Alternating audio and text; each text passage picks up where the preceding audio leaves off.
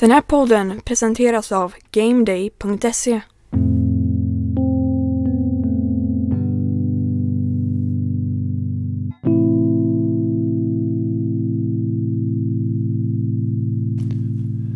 Välkommen tillbaka till NFL Supporter Dokumentär. Podden där vi gräver i det förgångna och låter någon gammal historia få ett varv till i rampljuset. Idag ska vi ta och fundera på det här med ligans lag och varför de emellanåt byter städer. För att exemplifiera hur det politiska spelet bakom kulisserna kan gå till har vi valt oss att ta oss en titt på ett speciellt fall som kanske faktiskt borde ha lett till att ett lag bytte stad. Men ödet ville annorlunda den gången och någon flytt blev det aldrig tal om. Åtminstone inte den gången. Vi ska tillbaka cirka 20 år i tiden och studera det politiska spelet mellan Saints dåvarande ägare Tom Benson och staden New Orleans. Throws right side for Dyson. He dives for the end zone. Didn't make it. No good. Wide right. Just win, baby. Due to the various uncertainties surrounding my position as it relates to the team's new ownership, um, I've decided to resign as the head coach of the New York Only Jets. four words. This one's for John. Att ett fotbollslag byter stad är för oss europeer ett av de kanske konstigaste aspekterna med den nordamerikanska proffsidrotten. Bara blotta tanken om att till exempel Manchester United skulle flytta från Manchester till London eller att Hammarby skulle omlokaliseras till Göteborg känns fullständigt overkligt för oss. Men om man möjligtvis skulle kunna säga att amerikanerna har en del att lära sig av oss rörande lojalitet och klubbhjärta så tycker nog de att vi kan lära oss ett och annat rörande det här med business. Att tjäna pengar. För någonstans är det ju trots allt så att alla ägarna i NFL är affärsmän. Som på ändra sättet ger sig in i det här för att det finns pengar att göra. Inte enbart genom laget i sig utan även genom den exponering som det ger affärsmannen i fråga. Ta bara exemplet med Jerry Jones, Dallas Cowboys ägare. 1989 gav han 140 miljoner dollar för Dallas Cowboys. En affär som Donald Trump, som för övrigt själv var intresserad av klubben vid den här tidpunkten, skrattade åt och lät hälsa Jones att han inte ens hade gett 50 miljoner för laget. Idag är rollerna ombytta och jag är tämligen säker på att Jerry Jones gärna nämner Cowboys värdering på 5,7 miljarder dollar nästa gång de två springer på varandra. Vår huvudperson, eller ägare i fokus, i detta avsnitt heter dock inte vare sig Jones eller Trump, utan Benson.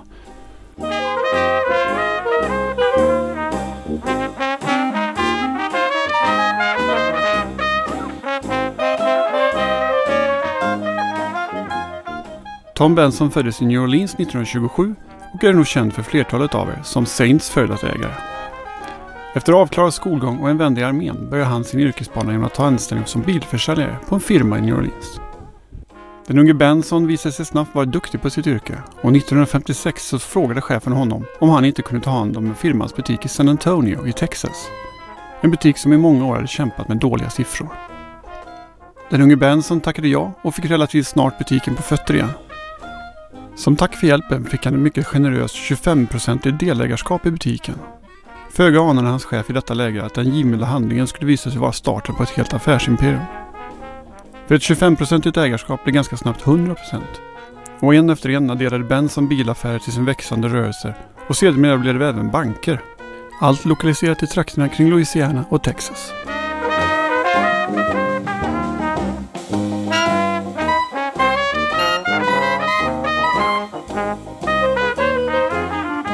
Något intresse av att äga ett idrottslag fanns egentligen inte på kartan. Men i mitten av 1980-talet kom Bensons vägar att korsas med fotbollslaget New Orleans Saints. Benson ägde vid det här laget 24 bilaffärer med en uppskattad omsättning på 400 miljoner dollar. Utöver det ägde han även sex banker och ett stort fastighetsbestånd, primärt lokaliserat i San Antonio, Texas. Ryktet på stan i New Orleans var att Saints var till salu och att ett gäng affärsmän skulle köpa klubben och flytta den till en annan stad. Ett rykte som självfallet spred en massa oro i trakten kring New Orleans. Tom Benson var väl medveten om vad klubben betydde för invånarna och bestämde sig till slut för att rädda laget kvar i staden genom att helt enkelt köpa klubben själv. För nätta 70 miljoner dollar blev till slut klubben hans och invånarna i staden kunde pusta ut. Åtminstone för stunden.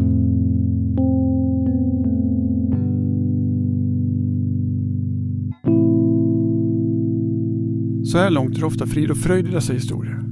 Invånarna i staden får sin idrottsklubb och affärsmannen sin exponering och affärsrörelse.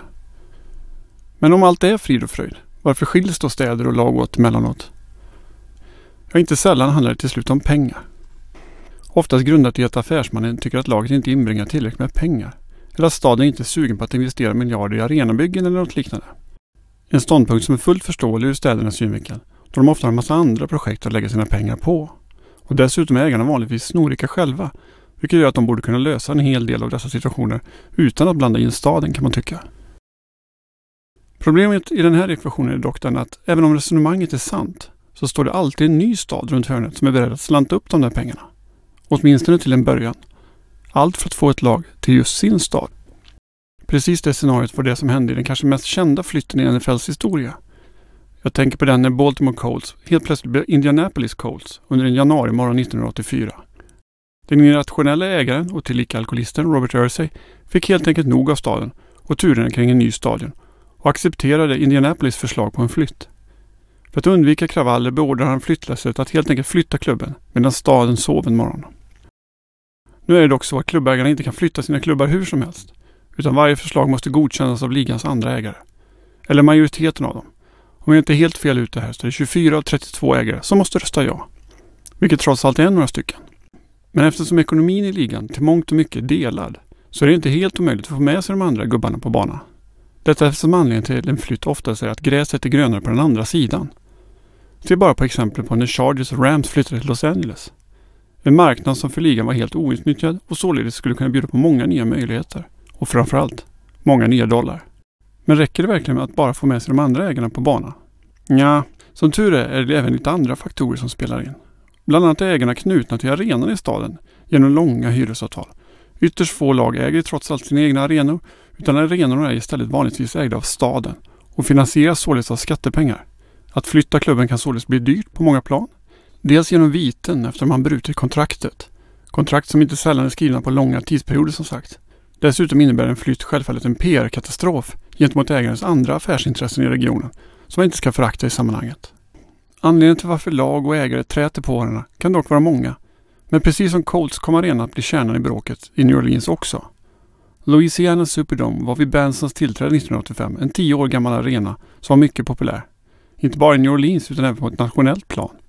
Detta eftersom arenans storlek och läge mitt i turistkvarteren gjorde den till en perfekt val för Super Bowls och andra stora finaler. Men som med oss alla blir även arenor äldre och i slutet av 1990-talet kände Tom Benson att Louisiana Superdome var i stort behov av renovering och började således påtala detta för stadens representanter. Men då New Orleans inte direkt tillhör de rikare städerna i USA så gick förhandlingarna tämligen trögt och relationen mellan de båda parterna började successivt bli allt mer ansträngd. Till slut gick situationen så långt att förhandlingarna fick självaste guvernörens intresse.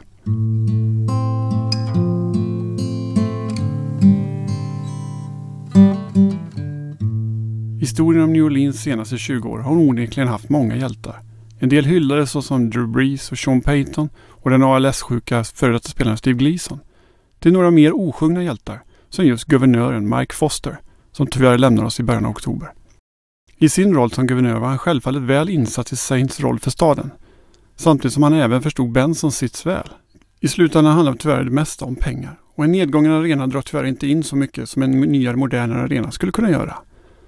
Foster var dock en handlingens man och hittade till slut en lösning som han presenterade för Benson. Staten Louisiana skulle således lova Benson 186,5 miljoner dollar under perioden 2002 till 2010. Som ett slags tack för att han inte lämnade staden. En kanske något udda lösning, men som eh, Benson självfallet till slut accepterade. Denna lek med skattepengar kan självfallet upplevas som aningen omoralisk, men Foster var trots allt en mycket populär person och inte ens denna udda lösning på stadens problem tycktes kunna rucka på detta. Under hans period i ämbetet gjorde han oerhört mycket för staden, framförallt för de mindre bemedlade i samhället. Något som också syntes i hans popularitetssiffror. Om man kan rymma en minskad arbetslöshet och ett räddat NFL-lag i samma budget, så var invånarna trots allt mer än nöjda ändå. Fosters och Bensons förhandlingar hade dock inte gått obemärkt förbi borta i San Antonio, cirka 7-8 timmar västerut. Där hade borgmästaren Phil Hardenberger börjat arbeta bakom kulisserna för att flytta Saints till Texas. San Antonio var trots allt mer eller mindre Bensons andra hemstad numera, så om han gick i flytttankar så borde väl staden vara överst på listan. Åtminstone i Hardbergers tycke. Texas som stat hade visserligen redan två lag, men intresset för fotbollen är stort i området och skulle säkert räcka för att driva runt tre lag. En åsikt som inte bara var Hardbergs egen utan även delas med andra prominenta personer i området. Bland annat personer som guvernören Rick Perry och Dallas ägare Jerry Jones stöttade idén. Den sistnämnde trots att en eventuell flytt skulle inkräkta på just hans marknad. Ligan själv var dock mer objektiv i frågan och var relativt nöjda med att ha ett lag just i New Orleans. Snacket inom ligans ledning handlade snarare om att placera ett lag på en helt ny marknad, såsom Los Angeles eller Toronto. Ett lag till i Texas kändes snarare som en sekundär plan i deras mening. Staten hade ju dessutom precis fått tillbaka ett lag i form av Houston Texans som grundades i samband med att ligan expanderade 1999. Houstons tidigare lag, Oilers, hade ju lämnat staden några år tidigare för grönare ängder i Nashville. Det vill säga det lag som idag är Tennessee Titans. Allt medan politikerna i Texas lobbade för en flytt så slet tjänstemän i Louisiana för att få ihop till den årliga betalningen till Benson. En enda missad betalning skulle innebära att Benson skulle kunna hävda kontraktsbrott och bara ta sitt pick och pack och dra. Helt utan risk för repressalier. 2003 och 2004 lyckades staten med nöd och näppe få ihop de här pengarna. Men 2005 kommer att bli ett tuffare år. På väldigt många plan.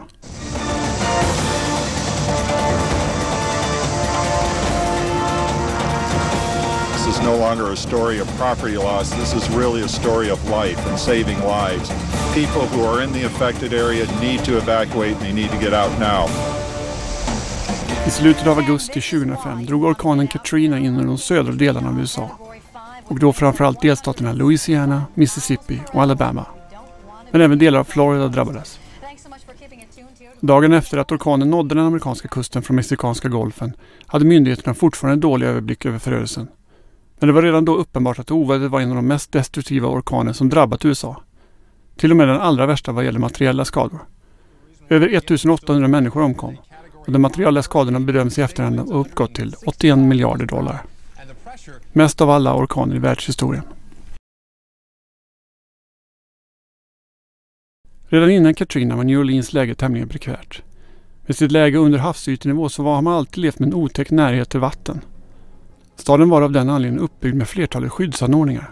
Av vallar och fördämningar för att förhindra att staden skulle stå emot oväder och översvämningar från vattendrag och närliggande sjöar. Till en början höll fördämningarna tämligen väl, men till slut fick även de ge vika, vilket gjorde att New Orleans snabbt svämmades över. Myndigheterna beordrade vid detta läge alla som kunde att lämna staden. Men alla kunde trots allt inte bara ta bilen och lämna staden, utan tusentals familjer stod plötsligt utan hem och den enda tillflyktsort som fanns att tillgå var Louisiana Superdome, Saints hemmaplan. Men arenan var övergiven eftersom en stor del av personalen redan hade lämnat staden. New Orleans borgmästare fick dock tag på chefen för Superdome som lovade att öppna upp arenan om han fick hjälp av nationalgardet för att hålla ordning på folkmassorna. Borgmästaren löste självfallet detta och dörrarna till Superdomen låses upp och 20 000 kom under de kommande dagarna att ta sin tillflykt till Saints hemmaarena.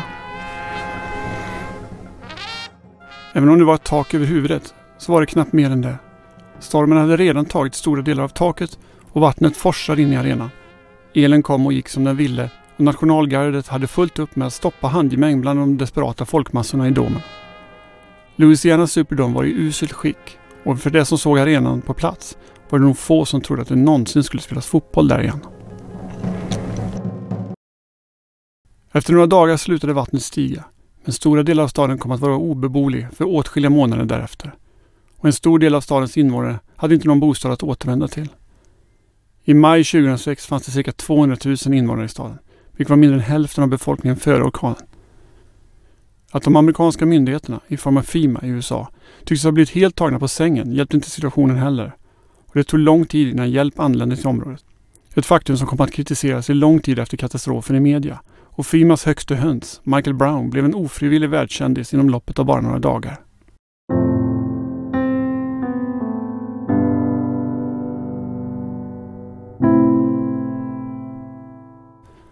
För New Orleans som fotbollslag så var det självfallet omöjligt att spela några hemmamatcher under 2005 års säsong. Tills en temporär hemmaplan lokaliserades spelade laget en serie bortamatcher.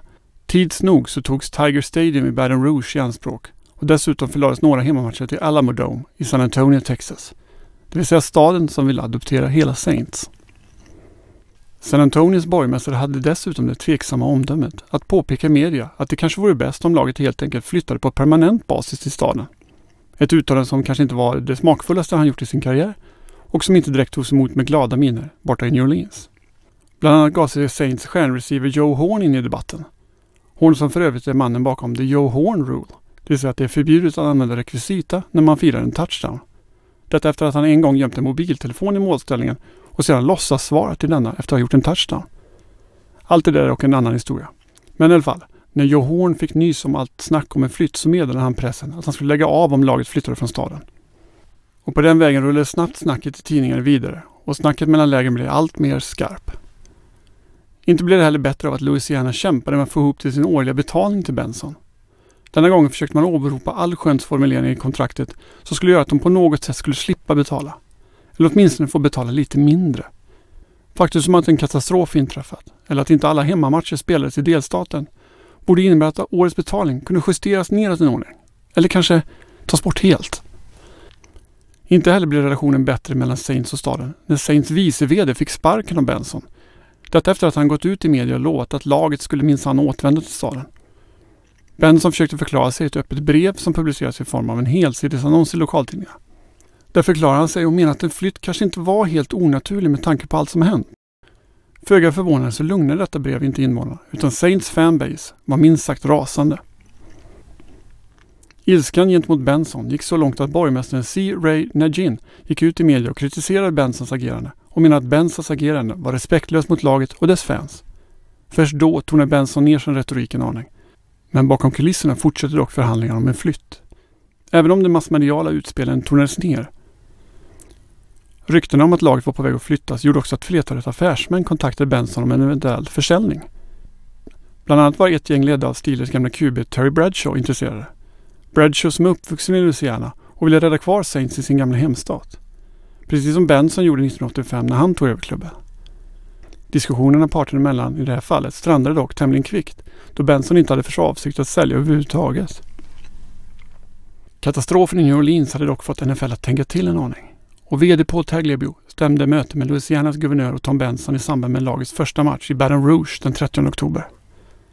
Efter mötet så deklarerade Paul Tagliabue att Saints var Louisianas lag och har så varit sedan hans företrädare Pete Russell introducerade dem till ligan på 60-talet.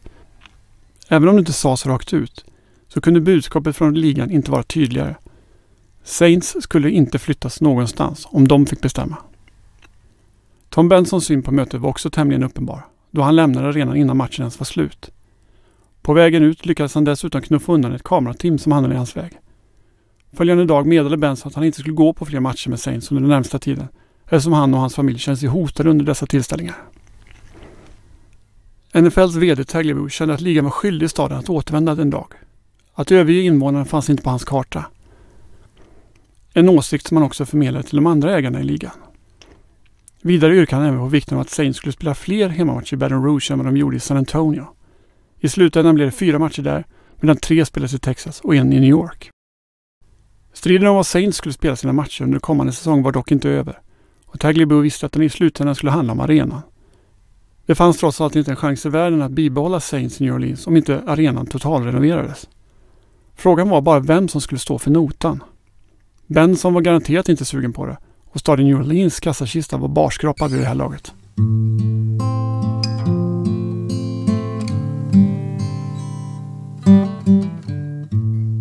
NFL själva skulle självfallet kunna bidra, men inte med hela slanten. Efter ett gediget politiskt arbete kunde dock Tagliabue tillsammans med Benson presentera en lösning som garanterade en ny arena och genom det även säkerställa att Saints skulle stanna kvar i staden. Notan på totalrenoveringen på 183 miljoner dollar delades i slutändan mellan ligan som tog 15 miljoner dollar, följt av staten Louisiana som tog 13, samt att man gav ut obligationer på sammanlagt 41 miljoner dollar. Men fattas det inte lite pengar i den här summeringen? Jo, precis. De sista 115 miljoner dollarna, det stod Fima för. Den hårt kritiserade beredskapsmyndigheten. Ni vet den här myndigheten som hade svårt att få fram hjälp till Louisiana efter orkanen Katrina. Av någon outgrundlig anledning hade de känt sig villiga att bidra när ligan ringde. Kanske var detta helt enligt normala principer. Eller kanske var det eventuellt en akt av skam som gjorde att de öppnade upp plånboken för en ny arena. Hur som helst så fick Tagliabue genom ett genialiskt politiskt spel arenan renoverad. Benson var självfallet överlycklig och kassaflödet från den nu uppdaterade moderna arenan kom sedermera att ligga till grund för de framgångar som komma skulle. När 2006 års säsong började så var arbetet med Luciana Superdome inne i sitt slutskede, vilket gjorde att Saints fick vara på resande fot under de första två omgångarna. Men till den tredje matchen mot Falcons så stod arenan klar och NFL hade riggat hela kvällen som om det vore en enda stor Super Bowl i miniatyr. Alla var där. Det var fest och Monday Night Football. NFLs ledning i form av Tagliabue och hans adept och sedermera efterträdare Roger Goodell fanns på läktaren. Tom Benson dansade sedvanligt runt med sitt karaktäristiska paraply. Och på innerplanen fanns en ny spännande QB som laget införskaffat under off-season från Chargers. För underhållningen stod U2 och Green Day som uppträdde tillsammans innan matchen. Ironiskt nog så räddade spelningen U2 från en översvämning. Bandets lagerlokal hemma i Dublin drabbades nämligen av en översvämning medan bandet var i New Orleans och spelade.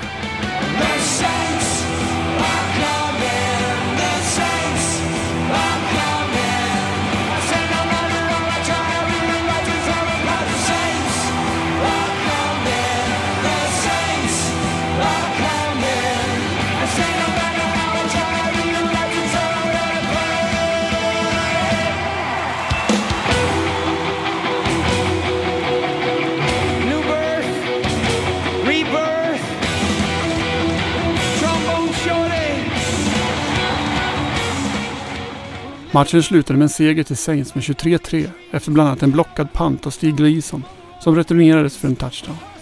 Bilden av Gleason som blockade en pant etsades fast i minnet på alla och blev själva symbolen för hela lagets resa tillbaka till Superdome. Vilket sedermera resulterade i en staty utav Gleason som idag går att återfinna utanför arenan. Idag är det svårt att tänka sig att New Orleans Saints var en hårsmån ifrån att flyttas till en annan stad. Samtidigt som Gleason blockade den där panten så startade eran med Breeze och Payton som förvandlade Saints från ett mediokert gäng till ett gediget storlag. En roll som de på sätt och vis bibehållit under de senaste 15 åren.